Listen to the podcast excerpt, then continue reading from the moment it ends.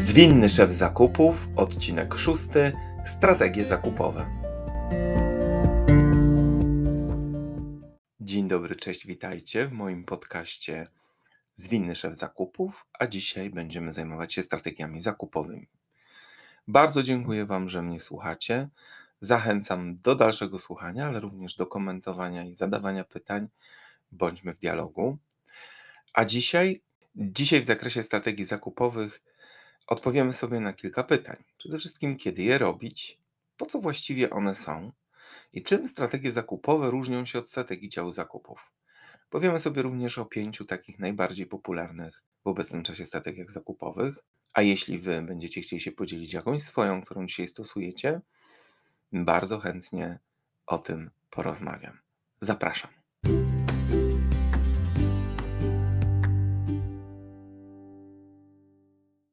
Zaczniemy dzisiaj od tego, czym strategie zakupowe różnią się od strategii działu zakupów. Słuchajcie, jedne i drugie tak naprawdę powinny wypływać ze strategii organizacji. Dlaczego? No dlatego, że to strategia organizacji będzie nam mówić, czy dzisiaj bardziej stawiamy na oszczędności, obniżanie ceny naszego produktu, czy będziemy chcieli go rozwijać, czy będziemy chcieli poprawić jego jakość, czy będziemy chcieli może dodawać jakieś nowe produkty, albo e, będziemy chcieli zmienić kierunek rozwoju naszej organizacji na taką bardziej innowacyjną. To wszystko będzie miało wpływ na strategie zakupowe. To, w jaki sposób chcemy kupować, to, w jaki sposób będziemy prowadzić naszą działalność, ma natomiast wpływ na strategię działu zakupów. Mówiąc krótko, strategia działów zakupów bardziej określa to, w jaki sposób on funkcjonuje, jaką ma strukturę, jakie zadania ma realizować, co w związku z tym należy do niego dołożyć, albo być może co można już od niego ująć i pewnymi obszarami się nie zajmować. Natomiast strategie zakupowe to strategie określające, na co będziemy kładli główny akcent w procesach zakupowych, na co będziemy namawiać dostawców, jeśli tego dzisiaj nie posiadają w swojej ofercie, na co będziemy składać szczegól, zwracać szczególną uwagę w podejmowaniu decyzji, u kogo kupować, a u kogo nie. Oczywiście, mając z tyłu głowy mm, segmentację dostawców i to, co chcemy zrobić w tym zakresie, natomiast strategie zakupowe patrzą bardziej holistycznie i już nie tak bardzo punktowo na konkretnego dostawcę. Więc jeśli mówiąc, kiedy je robić, to tak, jeśli macie strategię organizacji, ale jeśli już na pewno macie strategię działu zakupów, to to jest ten moment, że po segmentacji, czyli wtedy, kiedy sobie przyjrzałem swoich dostawców, wiem, kto w jakim segmencie się znajduje i jakie taktyki zakupowe, jakie rekomendacje w tym zakresie są, to teraz możemy sobie spojrzeć na to, jakie w ogóle strategie zakupowe powinniśmy przyjąć, czyli co powinniśmy w pierwszej kolejności brać pod uwagę u tych dostawców, oczywiście, którzy są w stanie to dostarczyć, bo oczywiście załóżmy sobie, jeśli będzie nam zależało na innowacyjności, no to trudno, żeby tutaj na przykład, nie wiem, wytwórca papieru był w stanie temu bardzo podołać, dlatego że w zakresie papieru te innowacyjności nie powstają tak bardzo sprawnie. No i nie wiem, kiedy ostatnio jakaś taka sensowna innowacja powstała. Słuchajcie, jakie zatem są takie najbardziej popularne obecnie strategie zakupowe? Ja ich wyróżniam pięć. Oczywiście mm, każdy z Was może wyróżnić ich więcej, mniej. To już w zależności od tego, jak y, ukształtowany jest Wasz biznes.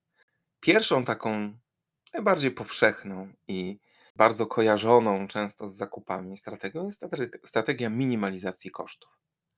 Polega ona na dążeniu do po prostu minimalizacji kosztów zakupów.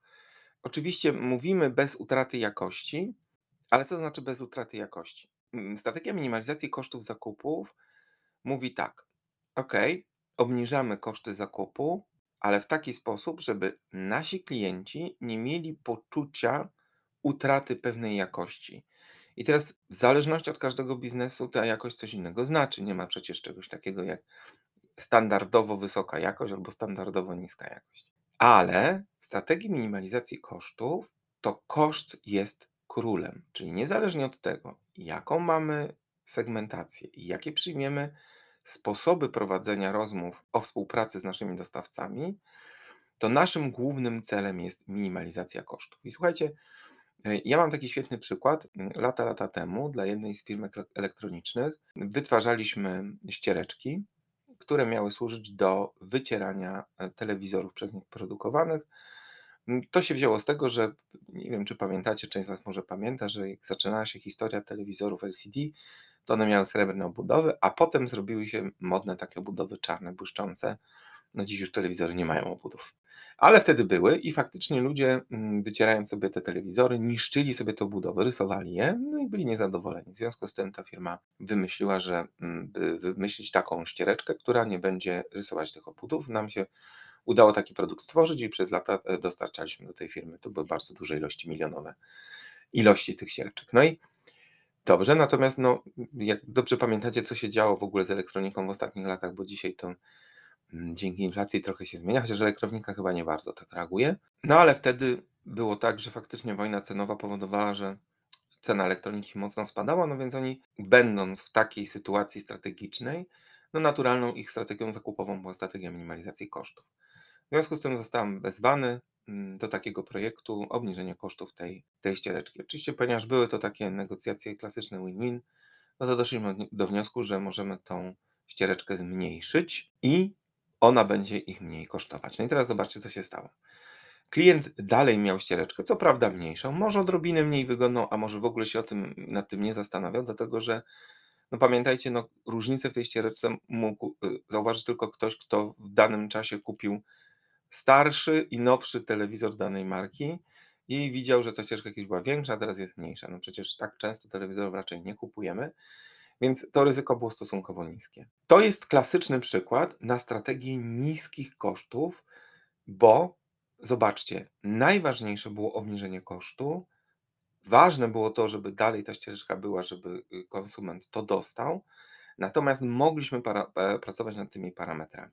Pamiętajcie o tym, że jeśli będziecie w takiej strategii, odradzam Wam takie puszowanie taniej, taniej, taniej. Zaproście dostawców do tego projektu. Przeanalizujcie, jakie parametry są nienaruszalne, a jakie są naruszalne i możecie się, może się nagle okazać, że stworzycie nowy komponent, być może będziecie mówić o jakimś nowym surowcu, który będzie miał te najważniejsze parametry, inne już trochę być może mniej ważne, mieć ich nie będzie, będzie dużo tańszy, a wy będziecie mieć możliwość obniżenia jego ceny, a dostawca być może wcale nie będzie ten kontrakt dla niego mniej atrakcyjny i będzie mocno zaangażowany w to, żeby z wami współpracować.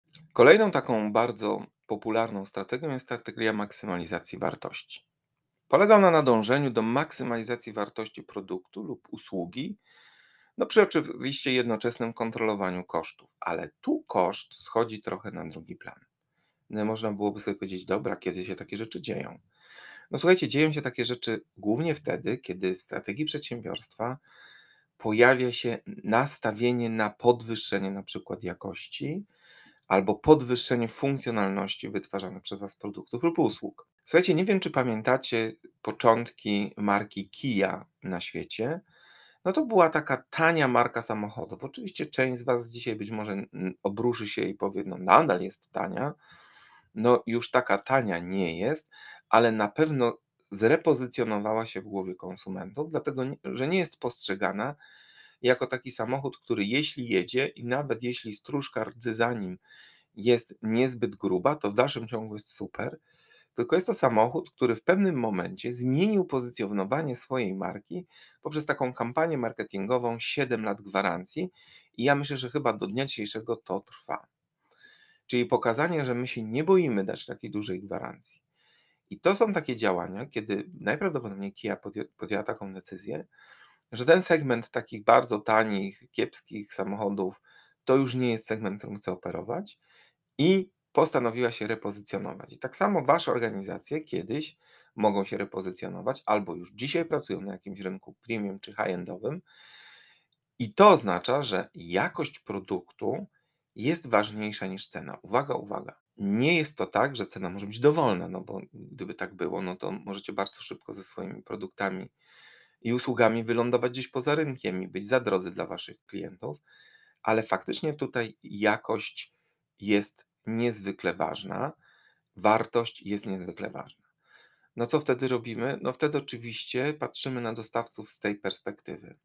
Poddajemy ich produkty znacznie bardziej wnikliwej kontroli jakości, sprawdzamy wszystkie istotne parametry i rozmawiamy z dostawcą o ewentualnym dołożeniu parametrów albo poprawie jakichś parametrów, w kontekście oczywiście ceny. No, nie gódźcie się tak łatwo na podwyżki tych cen, ale prawda jest taka, że patrząc z tej, z tej perspektywy, to, czy nasz produkt w jakiejś tam skali jest złotówkę czy 3 zł droższy, ale za to niezawodny, sprawdzony, pewny i znacznie lepszy niż na przykład konkurencja, to to jest znacznie bardziej ważne w tej strategii niż to, ile on finalnie jednostkowo kosztuje. Drugi przykład bardzo dobry w tym zakresie to jest taki, że to już z mojego życia, że miałem kiedyś klienta, który kupował ode mnie takie torebki do pieczenia plastikowe, mm, a konkretnie z, z PETA zrobione.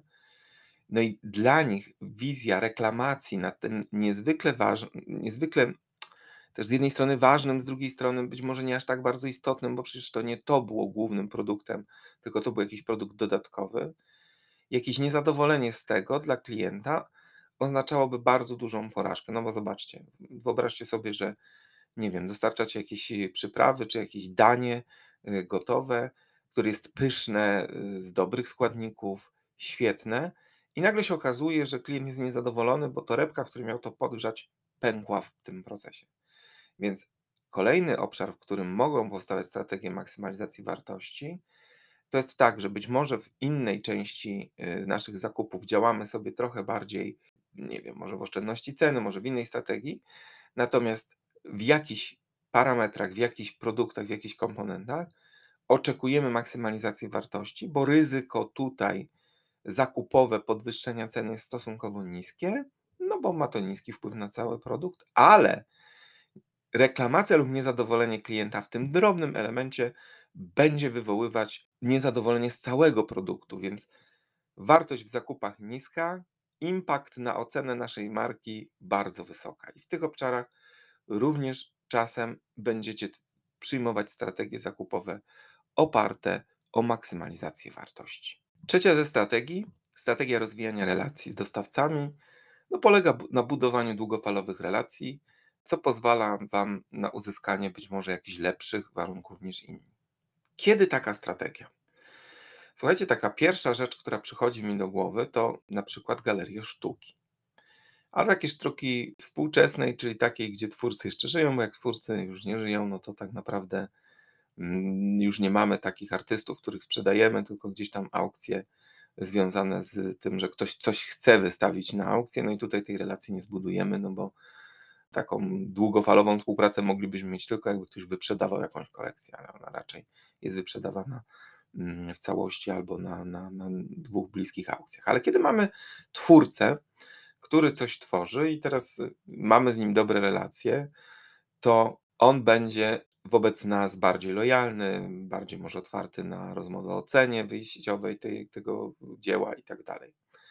Czyli wtedy mamy do czynienia z taką strategią, kiedy albo operujemy w biznesie, gdzie wszyscy nasi dostawcy, albo przynajmniej większość naszych dostawców, to ci dostawcy według Kralicza strategiczni, czyli trudno zastępowalni w dużym biznesie, jak również wąskie gardła, czyli również trudno zastępowalni. Wtedy ta relacja jest bardzo ważna, no bo trochę zależy nam na tym, żeby ten dostawca w pierwszej kolejności obsługiwał nas, a dopiero potem innych, co powoduje nam, że my będziemy obsługiwani w pełni. Wtedy również, kiedy nasi dostawcy są bardzo unikatowi. Stąd ci artyści, chciałem Wam na to zwrócić uwagę, no bo czasami, nie w każdym biznesie, ale czasami jest to tak, że nie wiem, do naszej restauracji bierzemy chleb od jakiegoś wyjątkowego piekarza. E, produkujemy ogrodzenia i w części naszych e, ogrodzeń y, jakiś wyjątkowy kowal pewne elementy wykonuje. I wtedy musimy zadbać o relacje z tymi ludźmi, bo z drugiej strony im też na tej relacji zależy jeżeli patrzymy na takie osoby, które są takimi duszami artystycznymi, to im trochę na takiej relacji, znajomości zależy, na omówieniu tego, co oni zrobili, na to, czy im się to podoba, czy nam się to podoba, jak to wygląda. W takich strategiach i z takimi dostawcami to, co będziemy musieli przede wszystkim zainwestować w ten biznes, to czas. Takich dostawców nie można obsługiwać po łebkach, z takimi, czasami, z takimi dostawcami trzeba mieć czas na przeprowadzenie rozmowy o różnych obszarach, jego życia i zawodu. E, z takimi dostawcami trzeba pamiętać o nich i utrzymywać tą relację. Warto pamiętać o jakichś, nie wiem, urodzinach, ważnych wydarzeniach, nawiązywać do tego w rozmowach. Trochę jak sprzedawcy, słuchajcie, ale taka jest prawda, bo my tutaj tego typu dostawcom i w tego typu strategii musimy trochę odwrócić to i sprzedawać naszą firmę jako potencjalnego kupca tym właśnie dostawcom. Jest to trudna strategia i ona operuje głównie w takich trudniejszych branżach, głównie tam, gdzie coś opiera się o rzemiosło, o artystów oraz o zakup jakichś super innowacyjnych i opatentowanych technologii, gdzie możemy coś kupować tylko tam. Warto sobie tą relację utrzymywać i warto tą strategię utrzymania relacji potestować i zobaczyć, co Wam z tego wyjdzie. Próbujcie i jak co, podzielcie się z tym, e, tym jak, to, jak to wyszło. Strategia innowacji produktowej, czyli czwarta już strategia, polega na poszukiwaniu takich dostawców i takich rozwiązań, które są innowacyjne, które dodają jakiejś dodatkowej wartości Waszym produktom lub usługom. Kiedy się nią posługujemy najczęściej? No wtedy, kiedy w analizach strategicznych całej organizacji odkrywamy, że albo mamy jakiś taki gap technologiczny po prostu, albo gdzieś tam nas konkurencja wyprzedza, albo jest takie ryzyko, że się utowarowimy, to znaczy, że wszyscy będziemy wytwarzać dokładnie to samo. W związku z tym to, co pozostaje w takiej sytuacji, no to brutalna wojna cenowa. I wtedy dostajemy taki impuls od zarządu, że dobrze poszukujemy teraz czegoś, co może unowocześniać nasze produkty. I tu znowu bardzo ważne jest to, że pomimo tego, jakie są rekomendacje, jak postępujecie z dostawcami, to tak jak cały czas mówię Wam, pamiętajcie, żeby Wasze działy zakupów jednak starały się w negocjacjach operować o to podejście win-win. Dlatego, że czasami jest tak, że będziecie potrzebować supportu Waszych dostawców.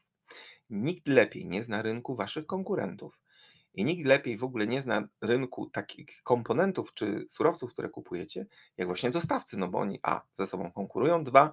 są ciągle na spotkaniach u Waszych konkurentów i słuchają, być może oni tam opowiadają im trochę co się będzie działo i co się dzieje.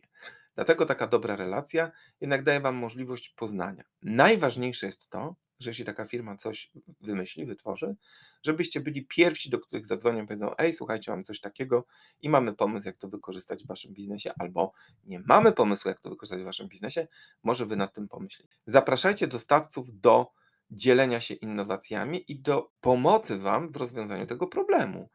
Mówcie o nim. Słuchajcie, chcemy unowocześnić ten i ten produkt. Jakie macie pomysły? Pozwólcie popracować waszym dostawcom. Myślę, że niejednokrotnie was zaskoczą, proponując wam jakieś nowe, innowacyjne rozwiązanie albo w ogóle jakieś zupełnie nowe spojrzenie.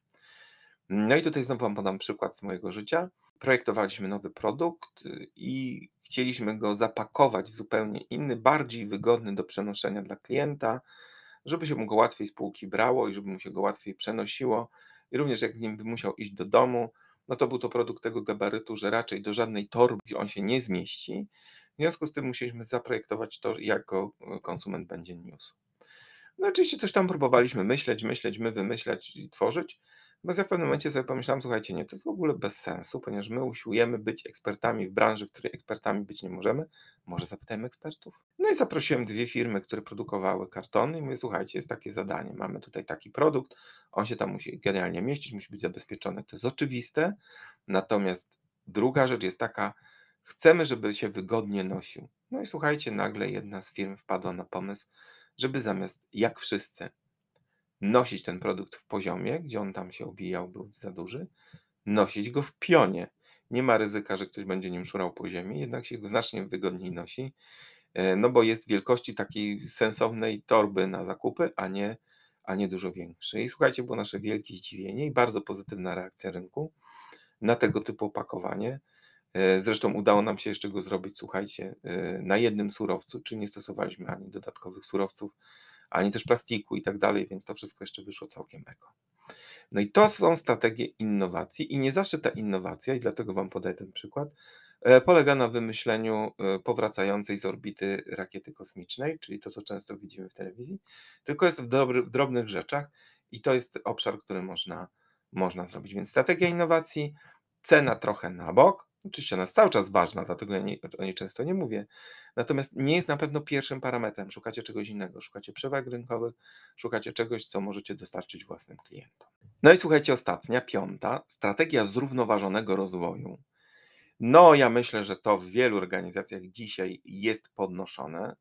No, ona polega na dążeniu do, zakupu, do zakupów zrównoważonych, które uwzględniają aspekty społeczne, ekologiczne, ekonomiczne itd. Tak Czyli zakupy oparte o jakieś takie racjonalne transportowanie, racjonalne zużycie energii, być może e, zeroemisyjne w pewnych obszarach, albo na pewno w bardzo niskim śladzie węglowym i te wszystkie pojęcia oczywiście dzisiaj przez działy zakupów się przewijają. Nie wszystkie działy zakupów, ale już część na pewno tak. No bo trochę po stronie klientów czy konsumentów pojawia się to, że to jest takie nice to have. Słuchajcie, możecie mnie zlinczować. Nie wierzę, że dziś istotny procent y, klientów w Polsce, ale nawet i na świecie, jako pierwszy parametr decyzji o zakupie bierze to, czy wy jesteście zrównoważeni, czy nie. Ale na pewno bardzo chętnie w swojej ofercie te firmy napiszą, że część tych produktów pochodzi z takich i takich surowców. Oczywiście będą firmy, które kierują swoje produkty do takiej branży, której bardzo dużo jest ludzi bardzo mocno zafiksowanych ekologicznie i dziś dla nich to już może być must have, ale nie dla wszystkich. Chciałbym, żebyśmy o tym pamiętali i żebyśmy też pamiętali o tym, że uwaga, uwaga, bardzo dużo tych propozycji naszych dostawców będzie cynicznych, w związku z tym musimy to dobrze sprawdzać. Więc co robić w związku z tym? No oczywiście tutaj nie odkryję przed Wami pewnie e, nic nowego. No wiadomo, że musimy pytać dostawców, jeśli robimy przetargi, no to musimy prosić wcześniej o dokumentację. Musimy pytać dostawców o, o udokumentowanie, w jaki sposób oni już dzisiaj dbają o zrównoważoną gospodarkę. Co oni robią? Jak wygląda ich plan energetyczny, jak wygląda ich emisyjność produkcyjna, no bo przecież co prawda już fabryki z dymiącymi kominami to raczej w firmach, słuchajcie, historycznych, ale jednak część e, biznesów ciągle jakieś, e, jakąś emisję do atmosfery, ale nie tylko do atmosfery, również do wód prowadzi, no to warto wiedzieć, jak to, to wygląda. W jaki sposób oni są ekologiczni, w jaki sposób wspierają planetę, bo to też może być istotne. Są biznesy, którym być może trudno będzie dojść do jakiejś zeroemisyjności i tak dalej, mogą wykonać jakieś kroki, ale to jeszcze lata ale na przykład mogą część swoich środków reinwestować na przykład w to, żeby jakieś organizacje sadziły drzewa, edukowały społeczeństwo i tak dalej, i tak dalej. W związku z tym na to zwracamy uwagę. I teraz spójrzcie, jeśli to jest niezwykle ważne dla nas, bo każe nam się to wdrożyć, no to trochę działamy w taki sposób. Cena fixed, nie najważniejsza, ale powiedzmy sobie, cena jest taka, jaka jest. No jakoś oczywiście tutaj to znowu zależy od tego, gdzie w innych obszarach się przesuwacie. No bo jeśli w innych obszarach chcecie się przesuwać w stronę również podwyższania jakości, no tutaj jakość również musi rosnąć. Ale tutaj w tym obszarze najważniejszy jest ten obszar, w którym oni działają na zrównoważoną gospodarkę lub nie. I słuchajcie, warto sobie w firmach wyjaśnić, dlatego też o tym mówię, warto sobie w firmach wyjaśnić, jaka jest hierarchia oczekiwań. No bo słuchajcie, jeśli to ma być najniższa możliwa cena, bardzo wysoka jakość i jeszcze to ma być ekologiczne, to najprawdopodobniej jest to nie do dostarczenia. No dlatego, że dzisiaj te, większość tych procesów ekologicznych jest bardziej kosztowna niż te takie uruchomione na pełną skalę procesy powszechne. Spójrzcie, z jakiegoś powodu papier do drukarek ekologiczny jest droższy niż zwykły. Więc jeśli mamy wielką presję na to, żeby pokazywać się jako firma, która dba o ekologię, to pamiętajmy, że najprawdopodobniej będziemy musieli za to zapłacić jakąś cenę. Czasem w jakości, bo czasem rozwiązania ekologiczne nie są w stanie dojść do takiej jakości jak rozwiązania nieekologiczne. Czasem ceny, ponieważ one bardzo często są droższe niż te takie, powiedzmy, ze starej gospodarki nieekologiczne rozwiązania. Czas na podsumowanie. Strategie zakupowe tworzymy w odpowiedzi na strategię organizacji, to czego ona wymaga na poziomie zakupów. Oczywiście możecie tworzyć sobie strategie zakupowe sami, SOTE, ale nie ma to za wiele sensu. Lepiej kupić się wtedy na segmentacji i działać według rekomendacji Klejlicza niż, niż tworzyć na siłę jakieś strategie zakupowe, dlatego że strategie zakupowe oprócz takiej oczywistej, codziennej pracy kupieckiej narzucają nam pewien główny kierunek, w którym powinniśmy zmierzać w tym działaniu. Dlatego róbmy strategię zakupowe w odpowiedzi na jakieś oczekiwania strategiczne całej organizacji. Jeśli organizacja nie ma strategii, no możecie zawsze puszować zarządy, żeby może coś napisać, może coś określić, bo będzie wtedy łatwiej pewne cele realizować. Czy one się różnią od strategii organizacji? No strategie zakupowe mówią o tym, w jaki sposób, co będziemy w pierwszej kolejności brali pod uwagę, podejmować decyzje zakupowe. Strategia natomiast działu zakupów mówi o tym, jak ten dział będzie ukształtowany, jakie będzie miał funkcjonalności, z czego będzie się składał, jakie kompetencje trzeba do niego dołożyć, jakie może ująć. Pięć najbardziej powszechnych strategii zakupowych, no to strategia minimalizacji kosztów, gdzie tym królem jest cena, strategia maksymalizacji wartości, czyli tam, gdzie królem jest jakość, e, strategia rozwijania relacji z dostawcami, tam, gdzie mamy do czynienia z dostawcami, którzy wymagają relacyjności, artystami, rzemieślnikami, takimi biznesami, które nie są za bardzo skalowalne. Strategia innowacji produktowej to tam, gdzie będziemy szukać w naszym biznesie jakichś przewag, a to spowoduje, że musimy szukać innowacji u naszych dostawców i pytać ich, jakie przewagi mogą nam dostarczyć. No oraz ostatnia strategia zrównoważonego rozwoju, dzisiaj coraz bardziej powszechna, czyli tam, gdzie poszukujemy dostawców, którzy dbają o tą zrównoważoną gospodarkę, e, dbają o ślad węglowy, dbają o ekologię, dbają o społeczeństwo, o jego przyszłość. W związku z tym to są te najważniejsze obszary.